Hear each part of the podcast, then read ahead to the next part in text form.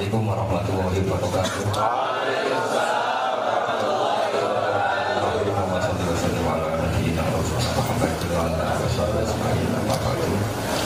Yang kami hormati Dekan Fakultas Kehutanan Bapak Budiardi eh, Moderator teman-teman yang kami hormati Eh, Sebetulnya kami ini tidak diundang tapi karena tujuh bulan yang lalu mungkin Mas Joko ini saya tapi saya tetap bilang nggak bisa. Lama-lama dipaksa menyesuaikan jadwal di UI. Ya, terus diambil secara paksa. Tapi ini penculikan yang baik. Eh, Tidak semua penculikan itu buruk asal nuansanya itu demi kebangsaan.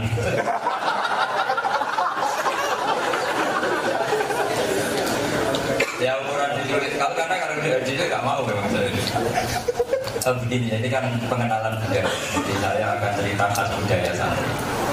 Nanti yang Mas moderator cerita budaya gunung itu. Uh, begini, di antara budaya para guru-guru kita, para baik yang kiai maupun tidak kiai, itu memang melestarikan yang ada. Eh, problemnya melestarikan yang ada itu biasanya yang kaum kaum berjuis atau yang elit itu nganggap yang ada itu tontonan. Sehingga misalnya orang bedui itu kita kita lestarikan budaya berarti yang bodoh tetap bodoh yang manusia hutan naik naik pohon tetap naik naik pohon. Makanya ini PR bagi fakultas kehutanan ini harus melestarikan itu yang apa ya?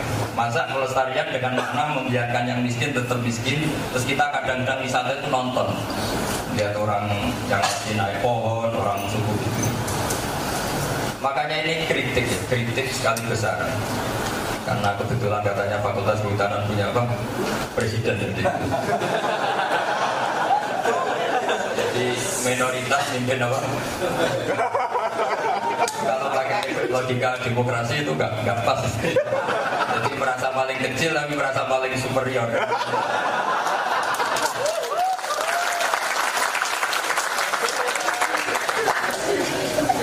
Eh, saya termasuk kiai yang nggak setuju kalau melestarikan budaya karena budaya itu bagian dari itu adalah ketertinggalan itu jadi tontonan. Kadang orang melihat pakai koteka, pakai manusia, pohon, pakai apa itu dia katanya me- meneruskan apa budaya. Hazana yang saya baca dalam kitab-kitab itu begini, Irian itu namanya Irian, itu Urian itu bahasa. Jadi dulu eh, ketika khilafah Abbasiyah namanya Harun Ar-Rasyid sekitar tahun 200 Hijriah kira-kira ya 800 Masehi. Itu rival-rival politiknya atau penjahat itu dibuang. Dulu pembuangan namanya tadrib kalau dalam, dalam bahasa Arab pengasihan. Mereka kalau bahasa Arab kan Indonesia karena mereka belum tahu Indonesia dan memang belum ada Indonesia.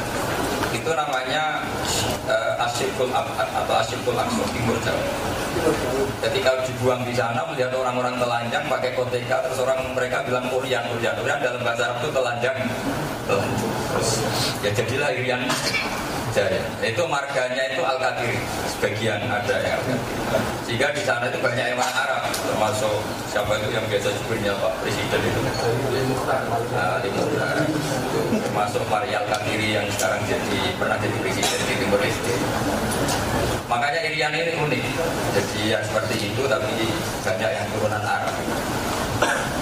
Jadi mengkaji budaya itu terutama menurut saya sebagai kiai itu budaya bagian yang berkembang itu budaya bagian. Karena orang sampai cari hiburan yang nggak benar atau bahasa agamanya maksiat. Saya tetap pakai konsisten bahasa kiai karena ini budaya saya. Nanti kalau saya pakai bahasa Jawa nanti jadi orang dulu itu. Tapi bahagia itu harus kita kelola, kita pertahankan. Sehingga dalam khazanah kita, nomor satu hidup baik. Caranya gimana ya? Mensyukuri yang sudah termasuk kita sebagai minoritas harus. Karena kalau fakultas tidak sehat itu punya alibi, kan kita minoritas. Makanya enak, jadi orang kecil itu enak. Tapi kalau kita jadi orang besar, semua kesalahan akan ditimpakan di kita subsidi kalau kecil itu kan disubsidi pantas dipikir orang lain pantas baru nanya apa? Saya dulu itu nggak sekolah formal saya tidak punya gelar. Dulu tapi saya senang jadi kalau nganggur ya pantas nggak punya gelar.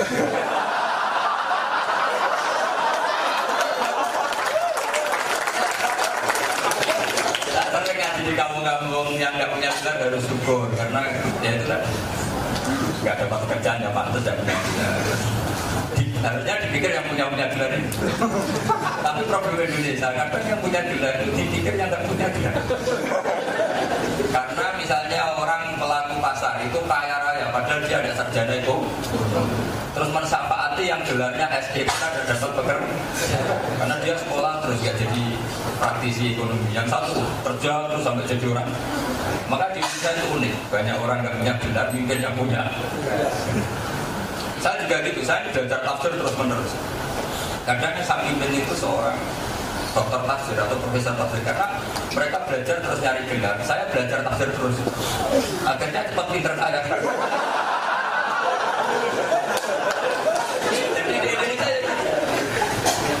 Anak-anak yang belajar kehutanan itu sama petani-petani yang menguasai jenis tanaman sak fungsinya itu pinter mana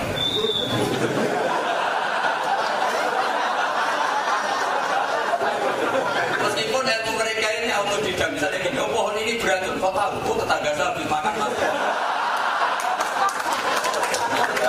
Kalau tak teliti jelek. Oh jamur ini beracun, kok tahu? Tetangga saya habis makan itu. Kalau nanti manfaat juga gitu, tetangga saya miskin, tiap hari makan ini ya hidup dulu. Makanya saya ini termasuk kiai pembela kaum bodoh itu terkenal di mana-mana. Sampai saya agak dimarahi Gus Jati orang bodoh kok dibela karena saya ini trauma. Trauma kadang kepinteran itu ya kepinteran itu satu. Makanya ada pepatah di hajarah kita namanya inna minal ilmi jalan kadang ilmu itu menjadi begini Indonesia kan sering kalau NU itu misalnya awal Ramadan minggu kalau Muhammadiyah kalau Naksabandia ini Sabtu nabi lebih awal. Berarti kan Sabtu minggu orang bisa berdebat sesuai teori yang mereka yakini. Ada yang ahli astronomi, ahli falak, ahli apa pakai teori. Tapi yang unik teori itu dipatahkan. Saya itu punya tetangga dia bodoh sekali kalau untuk ukuran akademis tapi dulu ikut buyut buyut saya keempat namanya Abdul Rahman Abdul Rahman. Saya ini cucunya betul jadi bapak saya bahasa bisa dia dan benar-benar warga Indonesia buyut buyut saya orang ini dan berjuang dulu buyut saya dari pasukan kemerdekaan. Keren saya ini jadi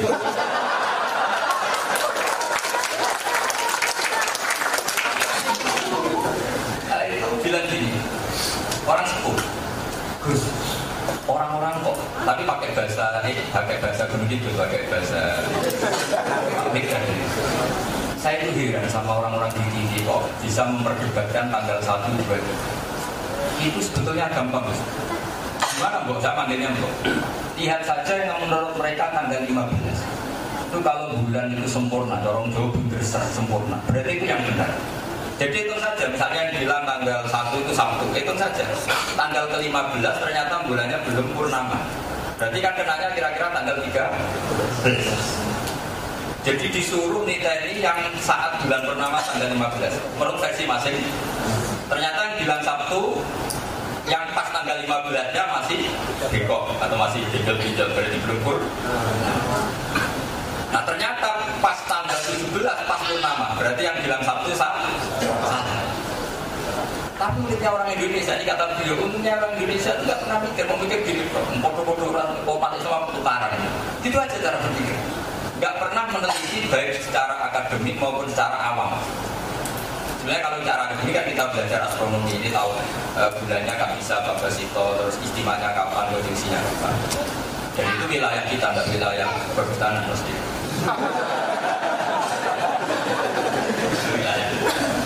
Kalau wilayah itu udah bisa, ya pakai awam tadi. Tanggal 1 hitung sampai 15. Ternyata pas bulan purnama. Berarti yang bilang akad sama Senin sama. Kan kelihatan. Artinya apa? Tuhan itu punya cara untuk menjadikan orang awam juga tahu hal-hal yang detail, yang susah. Tapi kita ini kadang kumul jadi ambil ini. Makanya terus tadi kita mengatakan budaya harus dipertahankan termasuk tadi saya orang-orang yang miskin di tengah kita orang-orang kita kadang tidak, cukup sosialisasi pendidikan sama mereka karena enak mereka jadi tonton Parahnya lagi kalau kita jadi kiai besar atau jadi dosen atau jadi dekor, itu seneng kalau kampungnya seperti itu. Masih ada mak-mak yang miskin bagus rapi. Itu artinya kan mendoakan mereka tetap seperti itu. itu kan kurang ajar betul. Katanya Indonesia mau dibawa maju, tapi bayangkan kampungnya seperti itu. Dulu mak-mak masih jualan serabi, terus kampungnya masih alam.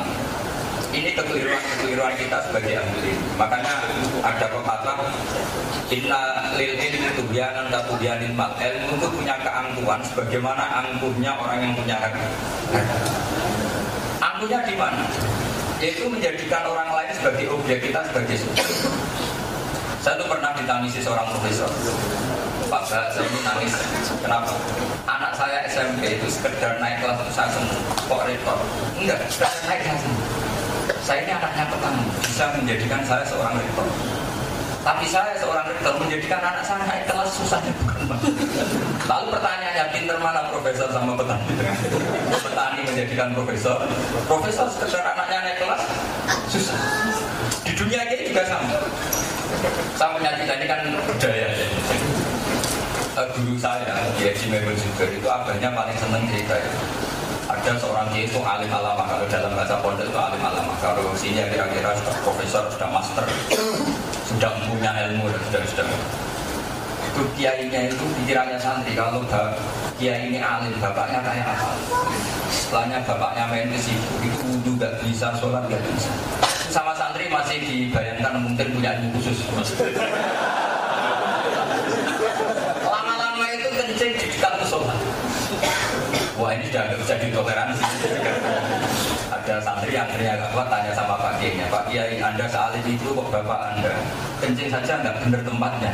Itu dikata apa musola bagi. Tapi kata Kiainya apa? Bapak saya itu pintar sekali.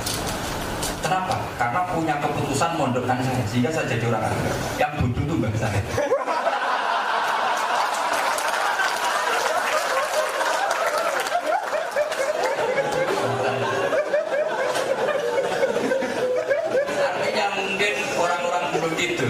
Meskipun mungkin bala tampil keputusan terbaik adalah ketika anaknya dikuliahkan di UG. Ya betul. Tapi kadang-kadang setelah dokter, setelah itu kadang nggak mikir anak. Cara naik pangkat, cara naik alfa. Ini kan lucu. Caranya sekolah. Ini sudah pinter kok. Caranya naik pangkat, caranya naik alfa, caranya punya rumah banyak. Ini kan kapitalistik sekali. Sehingga dia lupa kalau anaknya ini tumbuh kembang sudah puber sudah dewasa. Tahu-tahu nggak punya metode untuk menternak anak. Jadi makanya kritik-kritik pada ahli ini bukan hanya kepada profesor, kepada ulama sekalipun ada kritik. Innalil ilmi tuhyanan katuhyanil mal. Ilmu itu punya keangkuhannya sendiri sebagaimana keangkuhannya harta. Itu dimulai dari melihat orang lain itu objek, tidak subjek. Saat tadi Dwi bilang, apa pun dekatnya Menteri Pertanian. Kalau petani mbak nggak mau nanam padi mau apa? Betulnya kalau kita ketahanan pangan itu jasanya petani nanam padi apa jasanya Menteri Pertanian yang sering rapat? Mau rapat 100 kali kalau petani nggak mau nanam mau apa? Jadi baru hanya kearifan-kearifan itu akhirnya padi ini terjaga karena banyak nanam. Nah kenapa mau nanam? Baru aja goblok kalau tidak mau nanam.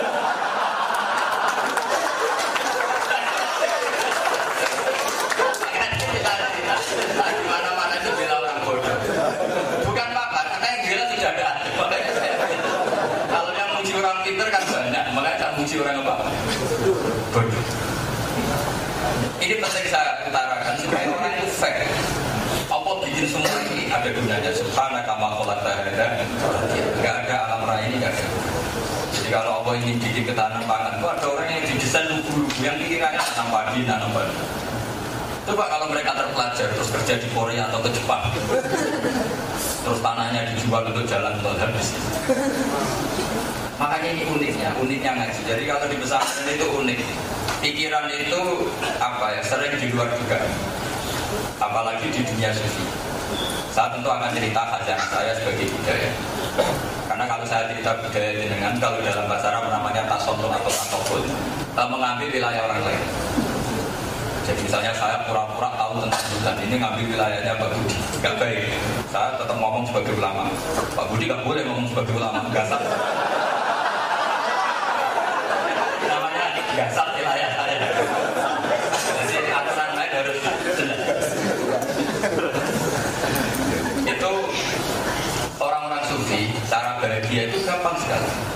suatu saat ada seorang sufi bilang saya berikan daging dikasih uang mungkin uang sekarang ya 50 ribu.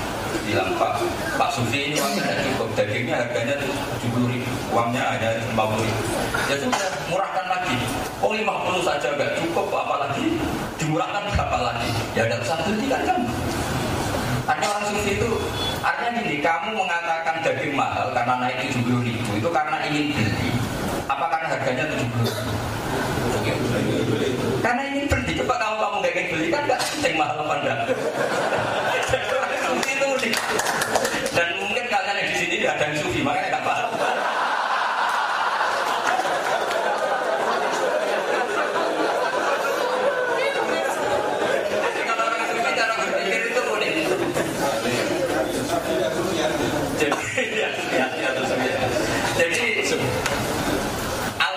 itu mewah itu karena Alphard itu super apa karena ini dilihat orang lain karena ini dilihat orang lain coba andekan semua orang kiranya Alphard itu kayak kau tembak kamu kecewa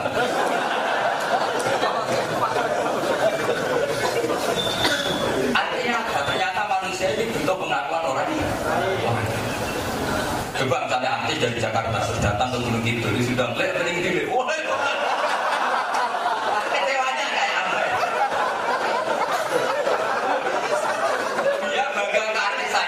dilulukan kan? Itu artis ibu kota pantai oh itu bilang mau berapa coba datang ke gunung itu terus orang tinggal panggil apa? Kok saya bukan nah, dunia sufi itu dipelajari seperti itu dipelajari. Ternyata manusia itu. Nggak mau kecuali dari orang lain. Kemudian saling mengakui itu orang menyebut budaya nah, lalu budaya itu dibentuk oleh siapa? Tadi keangkuhannya orang-orang ahli ilm atau para apa ilmuwan itu ngandung mereka selalu subjek atau al hakim pemutus sesuatu. Padahal Allah bikin semua manusia itu subjek. Semua kamu adalah yang bisa memajukan Indonesia Barokahnya petani sangat profesional, nggak pernah berpikir profesi lain. Ketahanan pangan terjadi. Coba kalau mereka berpikir lain, jajal-jajal kuliah di UGM.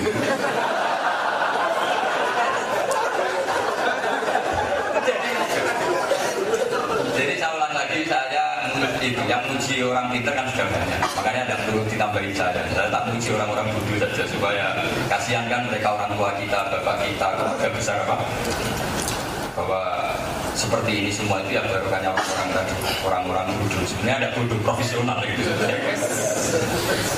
ada lagi cerita orang sufi yang ini cerita orang sufi e, kamu itu kalau punya angan-angan itu harus dikonfirmasi ke guru.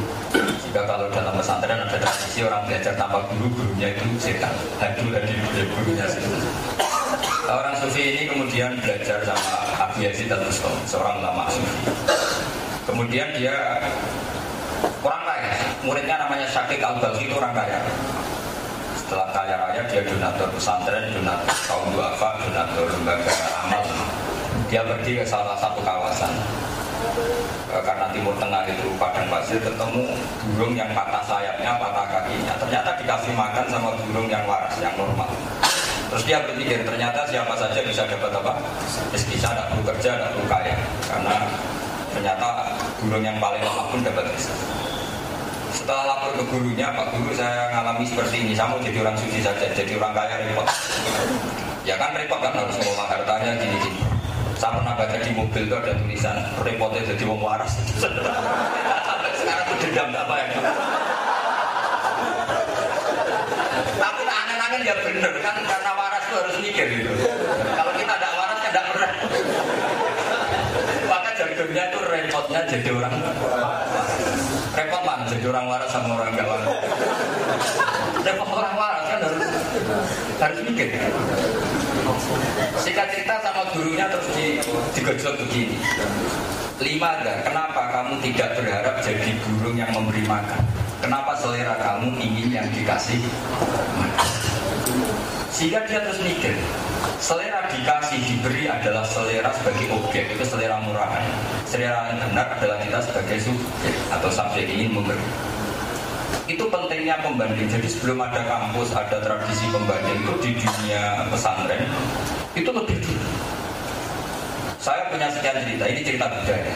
Jadi tradisi kampus kritis, terus kalau ada dosen menghentikan atau ngomong ada pembandingnya, ada pengkritiknya, begitu juga di pengadilan agung atau di di mana saja. Itu ada mulai zaman para nabi. Ini cerita budaya. Supaya tadi, supaya tahu budaya kita. Nabi Ibrahim ketika mau meninggal, itu didatangi malaikat Israel saya ini Ibrahim pencabut nyawa disuruh nyabut nyawa kamu Ibrahim protes kamu tahu benar saya Khalilur Rahman orang paling dicintai Allah ini sembarangan. Kamu seorang-seorang mau ngambil nyawa saya saya ini kekasih Allah. Hubungannya apa? kan nggak mungkin kekasih bunuh yang dikasih. Kamu nggak bener sih pikir kan masa kekasih bunuh yang dikasih? Akhirnya Israel karena nggak pernah sekolah kan Israel nggak bisa. Kembali ke Allah. Ya Allah, ini hambamu Dia bilang kekasihmu, masa kekasih dibunuh yang mengasihi. Terus kata Allah, udah kamu saya ajari logika, diajari. Hal ro'aita kholilan yakrohu ayal kholilan. Apa ada kekasih yang tidak siap ketemu yang dikasih?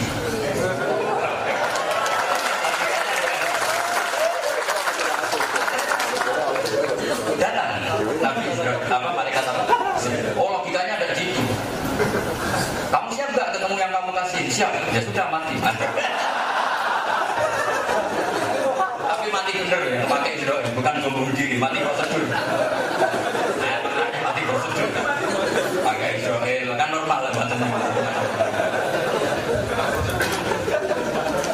Jadi pembanding mulai dulu.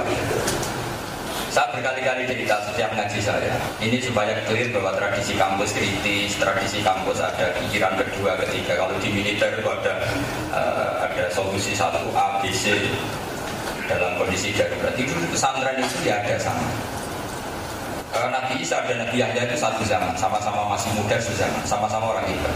Kalau orang Barat bilang Yesus sama John, kalau orang kita bilangnya Yahya sama Isa itu kalau singgah di satu perkampungan, misalnya main ke apa Gunung Kidul atau main ke itu yang cerita tanya Nabi Yahya itu tanya gini, Hai Nabi Arunas, masyarakat terbaik mana? Saya mau nginep di rumah orangnya yang terbaik. Kalau Nabi saya kebalikan, Aina Sirorunas, manusia di sini yang paling buruk siapa? Saya mau nginep di sini. Dua nabi besar yang sama-sama dapat wahyu. Akhirnya saling bertanya, kenapa kamu tanya Aina Kiyakunas harus nginep di rumah siapa?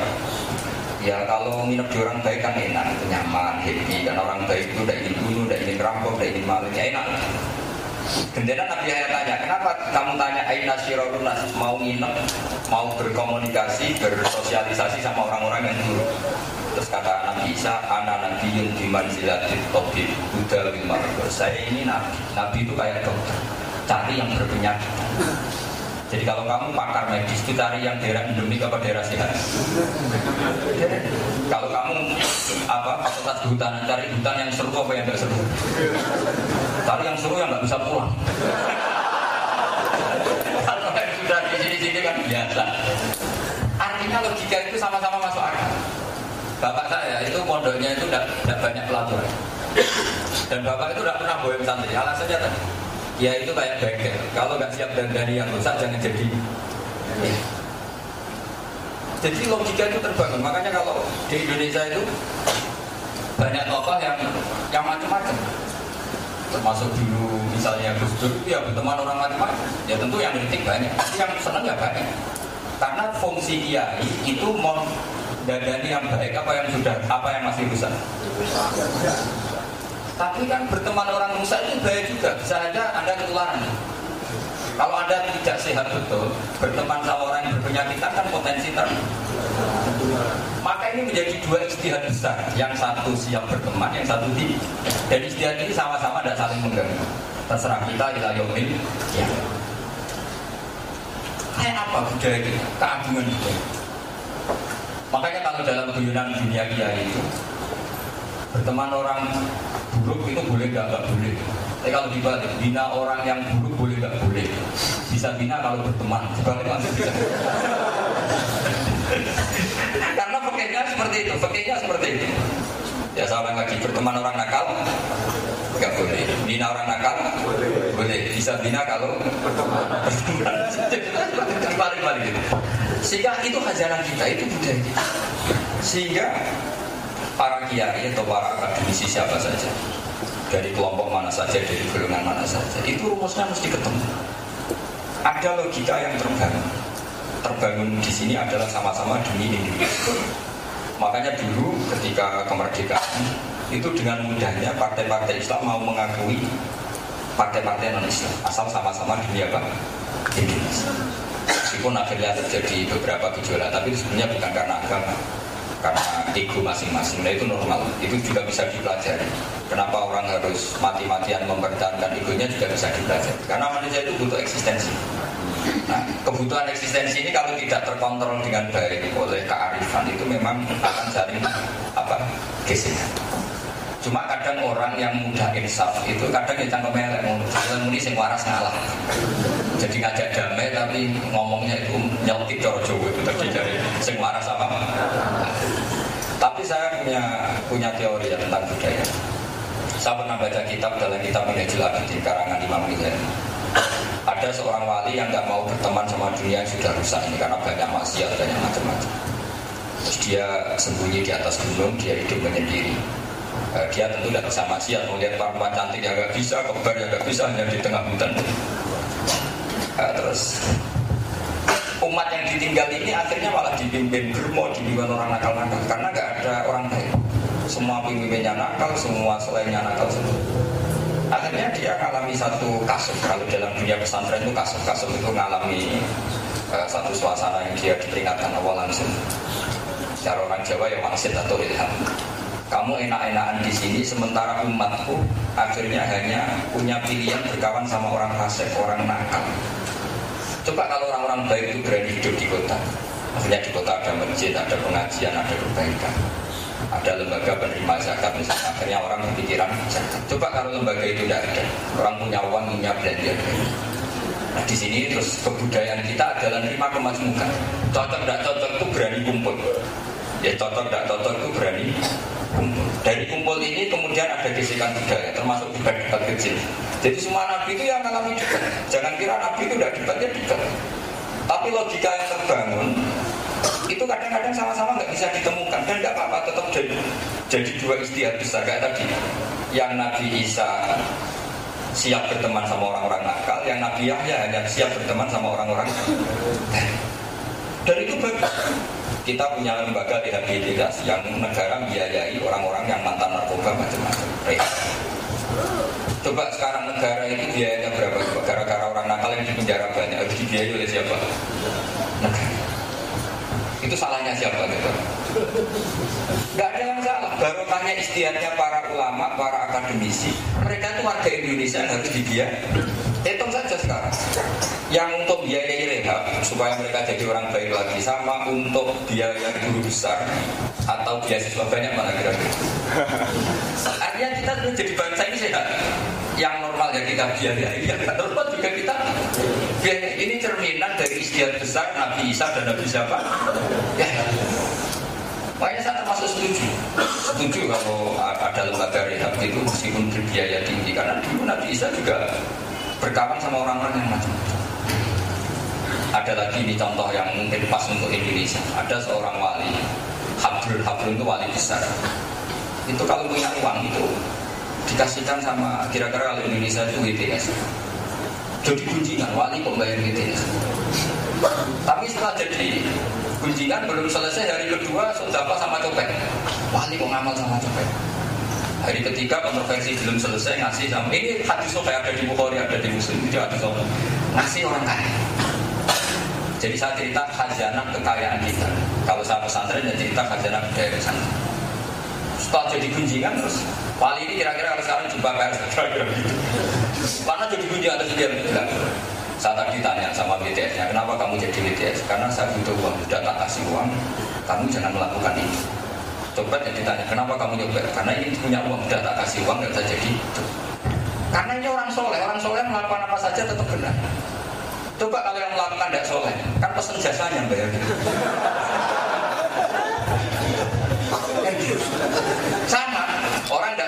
Sama, orang tidak soleh bayar copet, kan modal Jakarta, nanti saya bagiannya sekian, ini tak biaya kan gitu.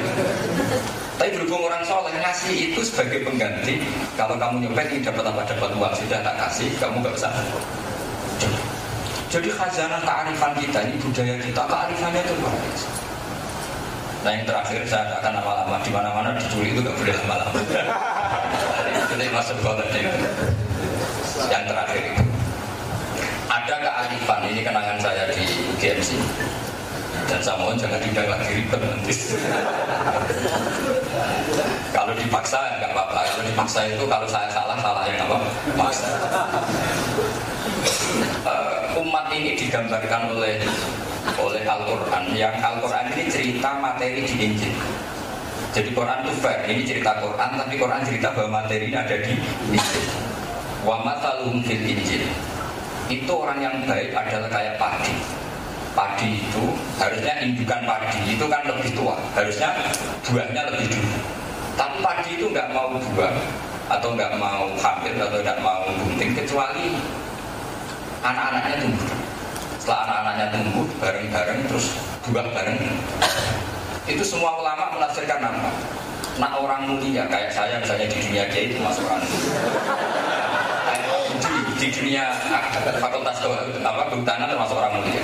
Itu nggak mau mulia sambil nunggu anak buah selesai karena dengan menunggu ini ada kesetaraan. Jadi kayak pohon apa? Padi. Mau buah nunggu anak. Kazar in akhraja syatahu fa'azar. Pohon pisang ya gitu. Mau buah itu harus ada anak. Kalau sudah ada penggantinya, penggantinya siap, dia baru mau buah. Karena dia sudah tahu, kalau saya sudah buah pasti ditebang sama orang belum tidur. Jadi artinya gini, ada kearifan.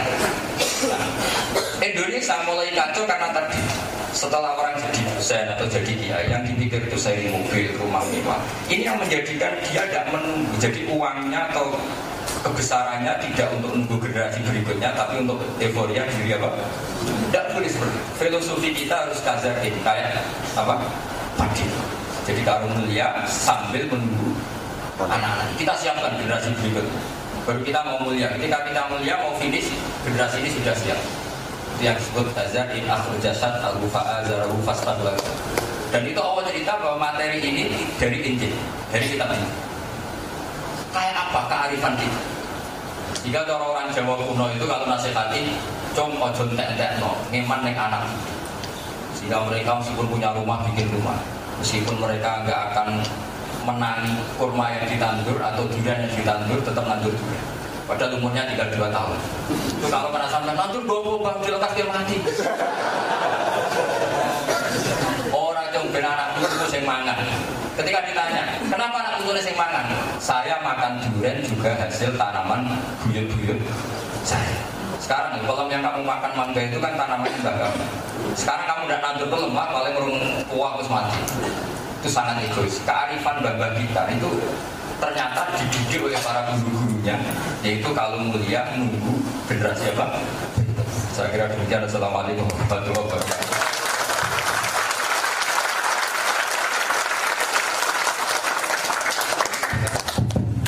Alhamdulillah luar biasa sekali apa yang sudah disampaikan tadi oleh Gus Bahan.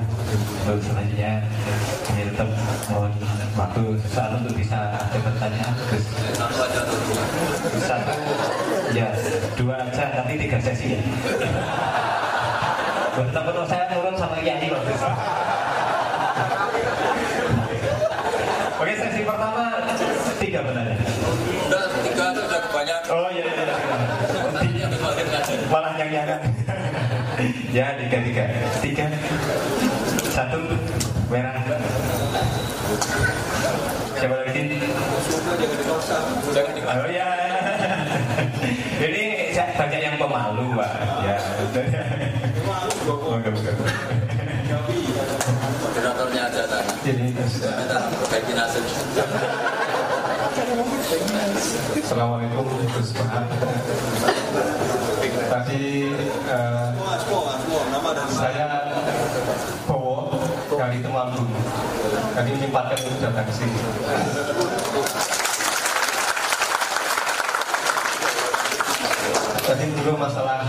Ya. Eh, yaitu Mau daftar?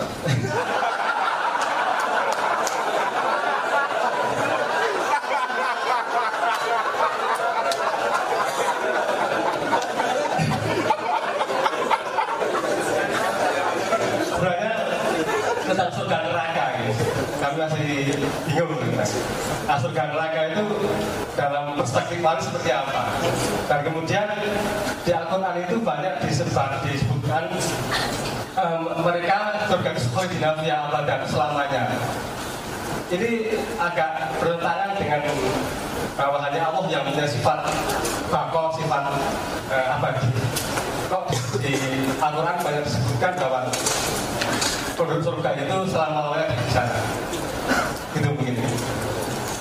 Wah, itu gampang itu nanti gampang jawabnya.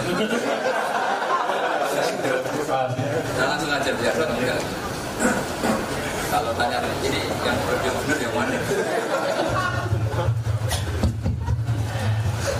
Tadi Mas Bowo tanya, nggak ingin jadi wali dong? Kalau pertanyaannya jawabnya gampang, yang repot kalau anda ingin jadi wali. Terus prosedurnya enggak.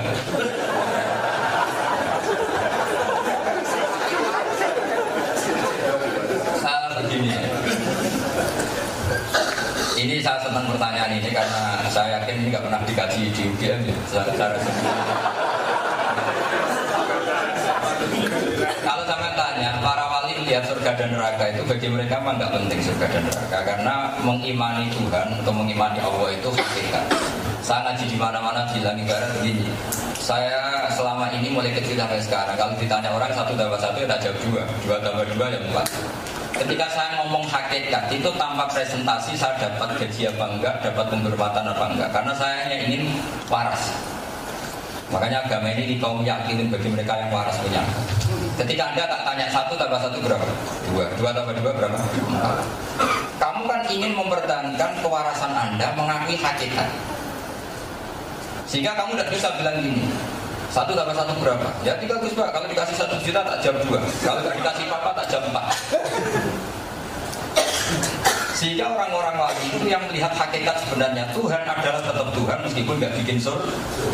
Satu tambah satu tetap dua meskipun kita tidak mendapat jadi hadiah. Itu syarat utama daftar wali, otaknya harus seperti itu. Syarat kedua, pikiran itu datang dari Anda, nggak boleh diajari. Tadi Anda bisa kan karena saya, itu sudah ada bisa.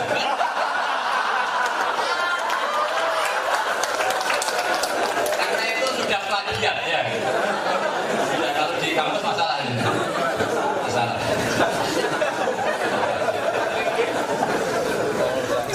Terus pertanyaan kedua tadi apa? Oh, abadi itu begini kan, oh, itu lebih gampang lagi ya. Dan saya bilang gampang bukan karena menyepelekan. Memang agama ini gampang, gampang dipahami. Misalnya ini gelas. Saya megang gelas ini, tentu otoritas bersanda itu pada saya, karena saya megang. Gelas ini akan abadi. Maknanya abadi gelas ini dijaga keabadiannya oleh saya, karena dia tidak cukup punya sisi, dia tidak punya sifat untuk abadi. Tapi karena saya penguasanya, saya bilang. Makanya abadinya selain Allah itu diabadikan. Bukan abadi bawaan materinya. Materi selain Allah tentu suaminya profan. Tapi karena Allah yang mengabadikan maka menjadi abadi. Jadi ibaratnya gini, gelas ini bisa pecah apa enggak? Ya bisa, potensinya bisa. Tapi saya jamin tidak pecah. Ya kan tidak pecah terus karena penjaminnya bilang tidak, tidak pecah. Jadi makanya kalau Allah abadi secara dati, secara dirinya sendiri, kalau dalam bahasa tauhid disebut kiamuhu binafsihi. Kalau surga abadinya di abadikan, neraka abadinya juga di abadikan. Meskipun akhirnya ya abadi juga karena di abadikan. Jelas? Clear?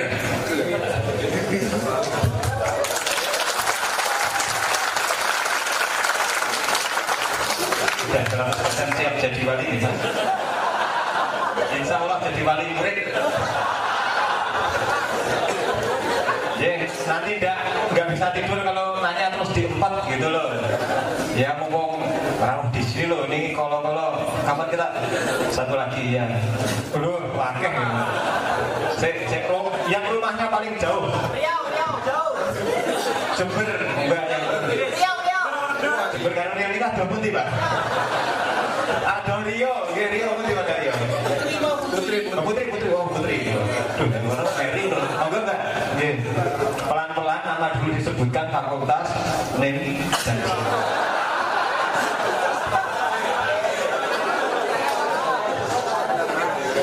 Alhamdulillah, terima kasih atas kesempatannya. Saya Wabdah dari Fakultas Ilmu Hidayah untuk Pak. Saya sangat didengar.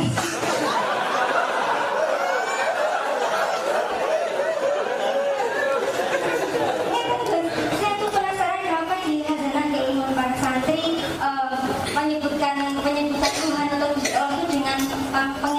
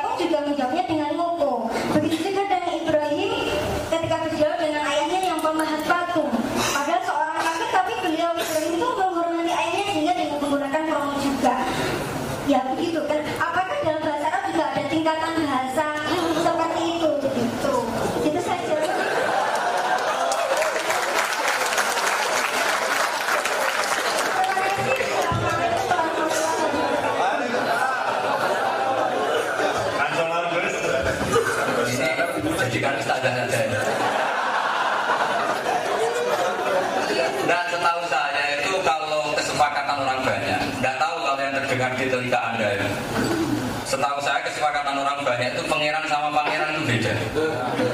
Nggak tahu saya kalau ada masalah di pendengaran.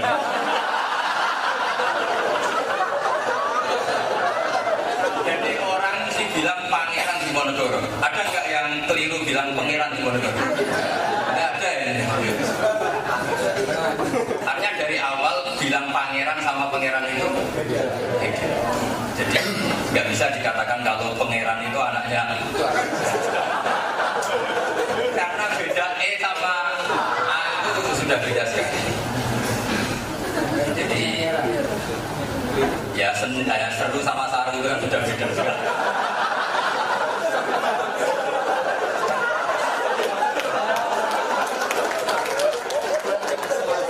Terus kedua menyangkut apa tadi? Oh, tingkatan kromo itu sebetulnya tradisi seluruh dunia. Cuma kalau nasionalnya enggak, tapi sebenarnya itu tradisi seluruh dunia. Jadi kalau orang top meninggal biasanya dibahasakan tuwfiya. Kalau orang biasa mungkin dibahasakan apa? Mata. Itu mulai dulu ya ya tidak. Cuma kadang-kadang Quran pakai bahasa nasional. Kenapa? Karena Tuhan selalu di atas para nabi. Jika ada istilah apa mata. Eh, Suatu saat kalau Muhammad mati itu nggak apa-apa karena dibahasakan Allah. Allah itu di atas Muhammad. Tapi kalau kita dibahasakan apa? Sufi atau wafat. Jadi tingkatan itu pasti ada karena ini budaya kan. Dari itu budaya. Terus yang perlu dicatat begini apa? Eh, tradisi para nabi tadi itu ya sama tetap ada etika etika itu ya ya etika tetap makanya yang seperti yang anda ceritakan tadi Nabi Musa itu kan menantunya Nabi siapa? Ikut terus satunya, tahu? Eh, Ini mau jadi ustadz apa jadi ahli? Apa? Oh, rodinya apa? Oh, bahasa Arab.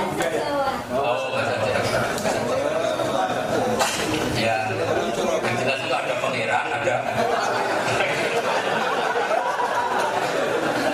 itu beda. Terus kenapa Tuhan tidak disebut raja? Raja juga ada pertanyaan kalau seperti itu. Raja di raja karena raja juga hanya begini kalau dalam ilmu tafsir ada istilah gini. Sesuatu kalimat itu Allah itu yang tabiul ma'aniyah la aksu kalau dalam bahasa ilmu tafsir. Lafat ini ngikuti makna, bukan sebaliknya makna ngikuti lafat. Jadi misalnya gini, saya bilang, Pak Budi ini nggak punya uang, tapi nggak punya uangnya pendidikan, sama punya uangnya mahasiswa banyak mana?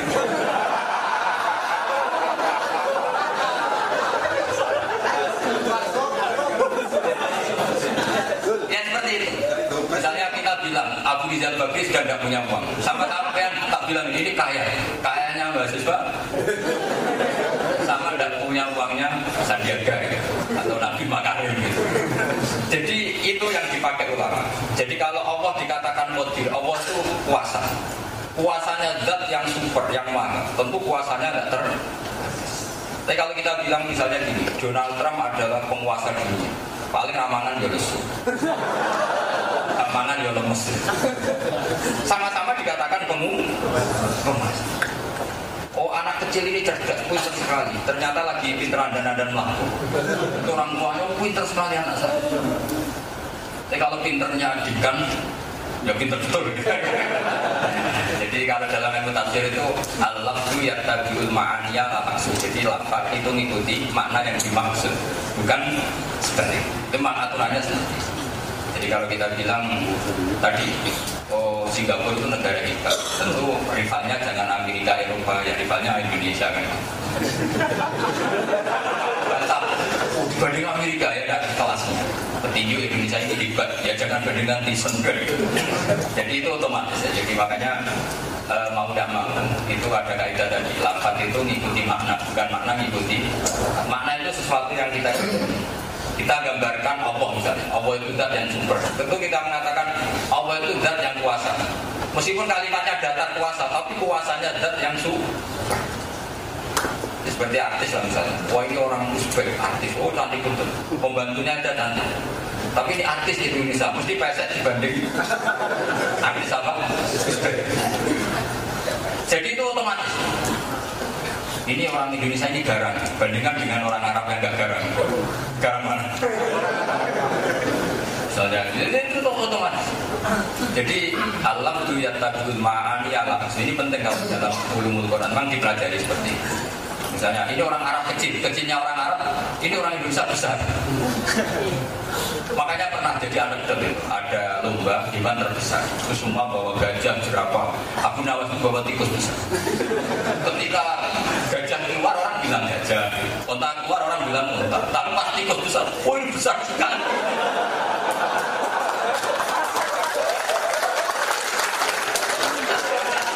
Anaknya benar, ternyata yang lain hanya dibilang besar. Tikus besar.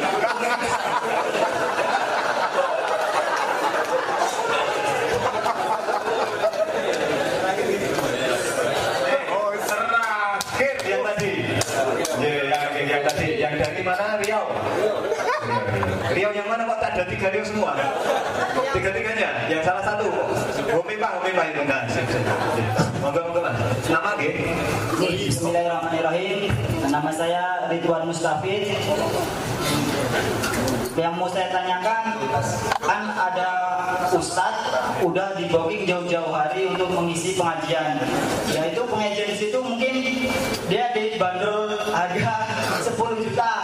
Cuma dia tidak mendatangi pengajian yang udah di booking, dia mendatangi pengajian yang satunya lagi mungkin di situ digaji 40 juta.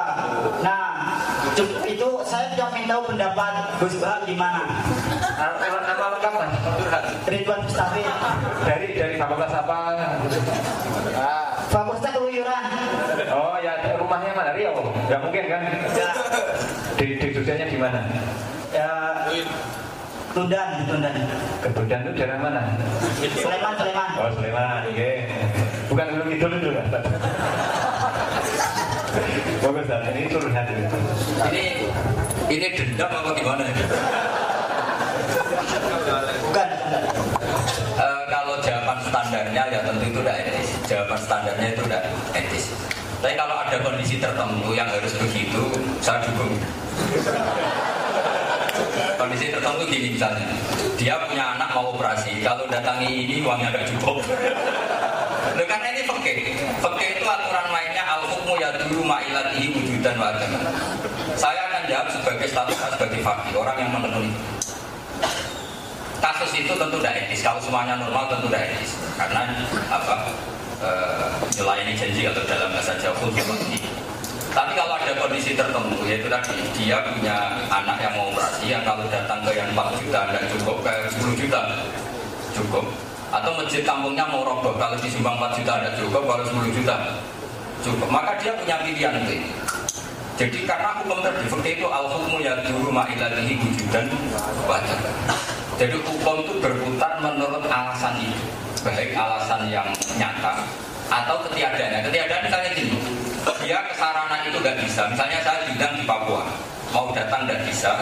Bisanya datang ke Jakarta karena pesawat lebih gampang. Berarti memang nggak ingin khulful wadi menyalahi janji, tapi memang yang mungkin ke sana. Cuma secara umum, ustadz yang seperti itu mintanya kurang baik. Kalau nggak ada alasan khusus. Tapi kalau ada alasan apa? Khusus. Maka ini penting. Itu banyak di di kejadian. Misalnya gini, saya sering ditanya gini, istiad Anda ini lebih ngeri istiad saya. Saya ini kan kecil ketok. Itu sering merasa dosa, gara-gara kalau diundang tetangga manakiban atau apa. Itu kadang saya merasa datang tuh kayak dosa. Itu kan jatahnya kiai kecil, karena datang tuh alamnya saya. Betul. Saya sering dibilang musola-musola kecil. Mau datang itu matikan pasaran. Mau datang kayak sombong, mentang-mentang juga fakultas busana. Gitu. Itu memang susah istilah seperti itu. Coba boleh nggak Indomaret Alfamaret di dekat tonton di kampung-kampung? Kan kita ada boleh kan? Kalau kiai besar terus mematikan pasarannya kiai kecil kira-kira boleh? Masa Pak Dekan ini mulan TK kan kasihan. Itu bukan berbaik hati, menutup rezeki orang lain kan. Boleh, boleh. Jelas. Makanya kalau ada yang tanya, cantik boleh nggak berjalan sama orang jelek? Mungkin nggak boleh. Karena menjadikan ini nggak punya peluang. Jadi itu uniknya penting. Al hukmu yadulu ma'ilatihi wujudan wajib. Makanya saya ini termasuk ini yang susah diundang. Susah sekali. Saya diundang susah. Memang saya nggak suka diundang. Makanya bisanya kadang kalau dipaksa itu Kenapa logika saya sederhana? Apa ya? Uh, seperti ini juga boleh jadi profesi. Saya termasuk orang yang sudah Dulu Hajat bin Yusuf itu nakal sekali. Nakal sekali sehingga cerita sama ahli ditanya, bapaknya siapa? Itu anaknya guru. Terus ditanya, anaknya guru kok nakal? Karena guru di tahun sekitar tahun 400-600 Hijriah itu sudah sinah, sudah profesi. Nah, saya khawatir kalau pengajian itu lama-lama profesi.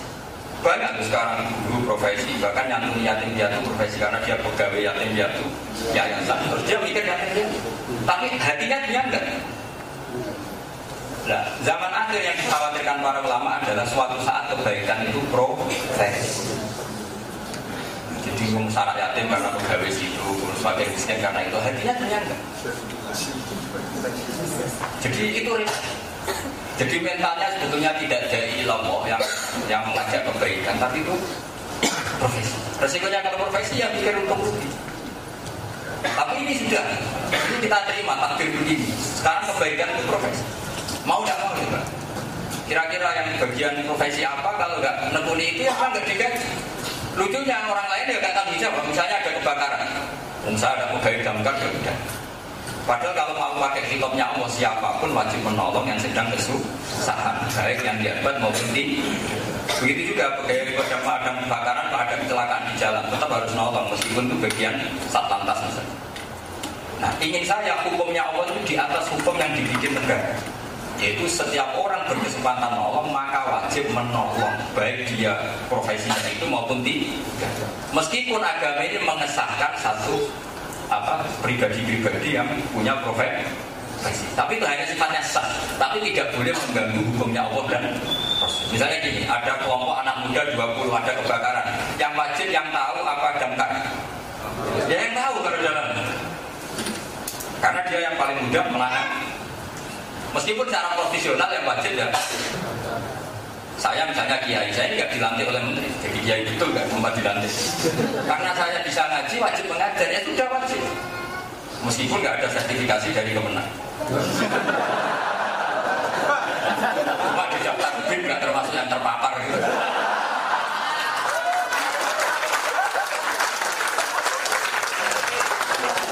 Saya mohon hukumnya Allah dan Rasul itu di atas hukum itu ya tadi. Kita melihat orang kecelakaan, kita di depan. Yang wajib pertama ya, ya kita. Jadi pakai hukum, pakai hukum aturan. Jadi siapa pun yang berkesempatan, punya kemampuan, ya dia yang paling jelas ya. Nah, jadi kalau nggak ada peristiwa khusus, maka kiai tadi atau apa jadi tadi tidak punya etika. Tapi jangan sungguh dulu, jangan-jangan ada peristiwa khusus yang kita tidak pernah tahu. Saya kira demikian.